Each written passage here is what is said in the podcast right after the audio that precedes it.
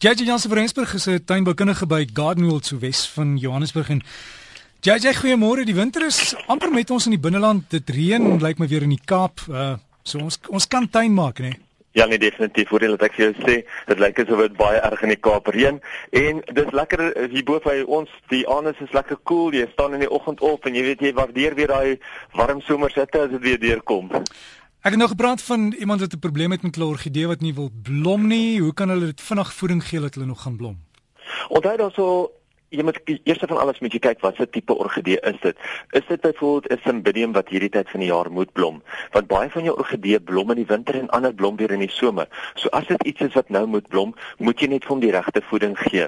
Jy het altyd daai drie voedingsstowwe gekry, die een wat jy gee voor blomtyd, uh, gedurende blomtyd en nou na blomtyd, maar deesdae is daar net twee op die mark. Dit is net vir gedurende blomtyd wat jy hom forceer om blomme te maak en dan natuurlik na blomtyd. So of as hy nie blom nie. So maak net seker dat jy die regte voedingsstof kry. Voer hom daarmee. Maak seker hy's op 'n ligte, warm area. Jy moet baie lig kry, jy moet lekker warm kry en dan natuurlik moet die orgidee gaan net selfs blom as hy 'n vorige jaar al geblom het of as hy oud genoeg is om te blom. Hy gaan nie blom as hy nog te jonk is nie.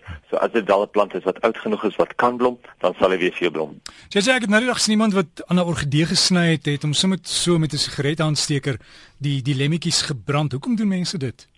Dit is baie baie interessant en dit is baie belangrik om dit te doen. Kyk, jy moet jou um snytoerusting moet jy altyd steriliseer, veral met orgidee, want orgidee virusse kan van een plant na 'n ander plant so maklik versprei. En as hy eers van een plant na 'n ander plant versprei het, kan jy maar altyd daai plante weggooi. Dis hoekom selfs by die orgidee plase dra daai manne letterlik by hulle um um ontsmettingsmiddel saam met hulle rond dat sodra hulle aan een blom gesny het, laat hulle onmiddellik daai sny toerusting of daai sny gereedskap kan ontsmet sodat jy glad nie glad nie siektes met hom versprei nie. So dis teen teen wat hulle gedoen het daar, hulle het hom net ontsmet. So JJ behalwe kompos maak met al die blare wat nou val, wat doen ons nog in die tuin? Dat hy definitief die winter is hier soos jy nou net gesê het en baie mense vra vir my wat anders kan hulle doen om ook hulle plante nou te beskerm teen die winterkoue. Nou ja, ons vra dit altyd van die toemaak van die plante met die rypdoek of met 'n gooiingsak, maar daar's eintlik nog 'n paar ander goed wat jy ook kan doen. En die van die van julle wat altyd sukkel met hierdie rypdoeke wat altyd sukkel om dit oor die stryd te kry en om mooi vas te kry, so is daar eintlik nou goeie nuus want 'n mens kry deesdae die rypdoek in die vorm van 'n sak wat 'n mens letterlik hierdie sak kan vat. Jy kan daai rypdoek net soos 'n sak oor die plant se kop trek sodat hy baie baie makliker is natuurlik om hom toe te maak en natuurlik het jy nie probleme dat jy hulle aan mekaar moet vasmaak nie want dit is klaar in 'n sak. So kyk bietjie uit by jou kwekery of jy dalk van daai sakke in die hande kan kry. Maar baie keer sien jy ook dat mense op die platteland of selfs op klein hoewe sommer veldgras vat en dit om die stamme van die bome vasmaak en dis eintlik 'n baie goeie manier om jou boom se stam te beskerm. Onthou, jy beskerm die kern van jou boom. Jy kan nog steeds kry dat die buitepunte van die boom, die takke wat nou nie toegemaak is nie, dat hulle wel nog steeds 'n bietjie kan terugvrek, maar hy kan net terugvrek dan tot op die stam en hy sal weer van die stam af uitgroei. Nou, ons het nou gepraat van die plant se stam wat die stam wat die kern van die plant is, maar onthou sy krag lê nie in sy stam nie, maar eintlik in sy wortels. En dis hoekom dit so belangrik is om sy wortels te beskerm. Nou ek ek praat gereeld van 'n deklaag En dit is wat mense natuurlik moet neergooi om die plante se wortels te beskerm. Gewoonlik sien mense dat daar soos mense wat bakkievragte vol blare wegry na die ashope toe. En dis eintlik heeltemal 'n mors, want daai blare is 'n ongelooflike goeie kombersie wat 'n mens as 'n deklaag dan oor die wortels kan gooi. Ek weet daar's baie ander redes, hoofsaaklik om water terug te hou, hoekom 'n mens deklaag om jou plante sal gooi maar ons praat spesifiek vandag van die belangrikheid van 'n deklaag as 'n kombers wat jou plante se wortels beskerm in die winter teen die koue en dit natuurlik dan koel cool hou in die somermaande. Nou baie mense vra wat kan ek gebruik as 'n deklaag? Ja, jy kan blare gebruik, jy kan strooi gebruik, jy kan fyn gesnyde gras gebruik. Jy kan soorte se enigiets gebruik wat natuurlik is. Boombas is 'n baie goeie om ook te gebruik. Want onthou 'n deklaag een van die twee vrae wat ek kry is moet 'n mens jou deklaag inwerk en natuurlik um is dit nodig om daai deklaag te vervang.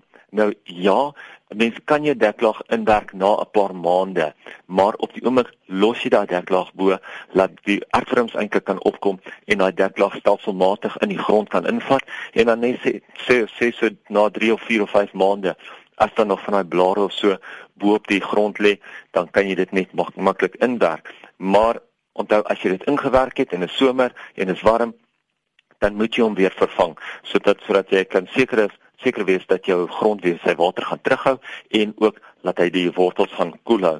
Onthou, die ander ding wat ek oomblik vra van kry is kolle of graswerke. Nou gedurende die somermaande en ja, jy sal dit nou onder in die Kaap kry waar daar baie vog is, waar daar baie reën is, gaan 'n mens baie fungusse kry wat op die grasperk ontwikkel. Maar op hierdie stadium kry mens ook baie kolle van honde se urine. En dis eintlik baie interessant. As 'n mens sien dat jou kolle is eweredig en groot is en dat hulle omtrent in een plek op die tuin voorkom, dan kan jy maar baie maklik weet dat dit wel die honde se urine is wat die grasperk in kolle gebrand het. En dit kom gewoonlik voor as dit een van twee dinge is. Of jou honde is op hitte of natuurlik gee jy hulle droë pellet kos, daai pille. Nou meeste van ons voer ons honde pille, maar ongelukkig maak dit hulle urines ook baie sterk.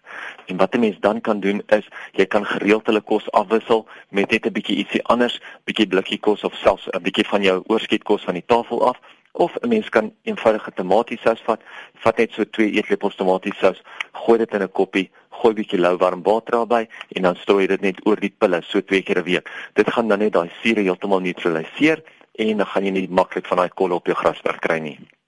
So JJ jou e-pos vir die vraag. My e-pos vir die vraag is jj@gardenworld.co.za. Dit is net jj by gardenworld.co.za. JJ Jansen van Rensburg tuinboukundige by Garden World, hulle het ook 'n webtuiste met klomp inligting op. Jy kan gaan loer is gardenworld.co.za. Lekker tuin maak.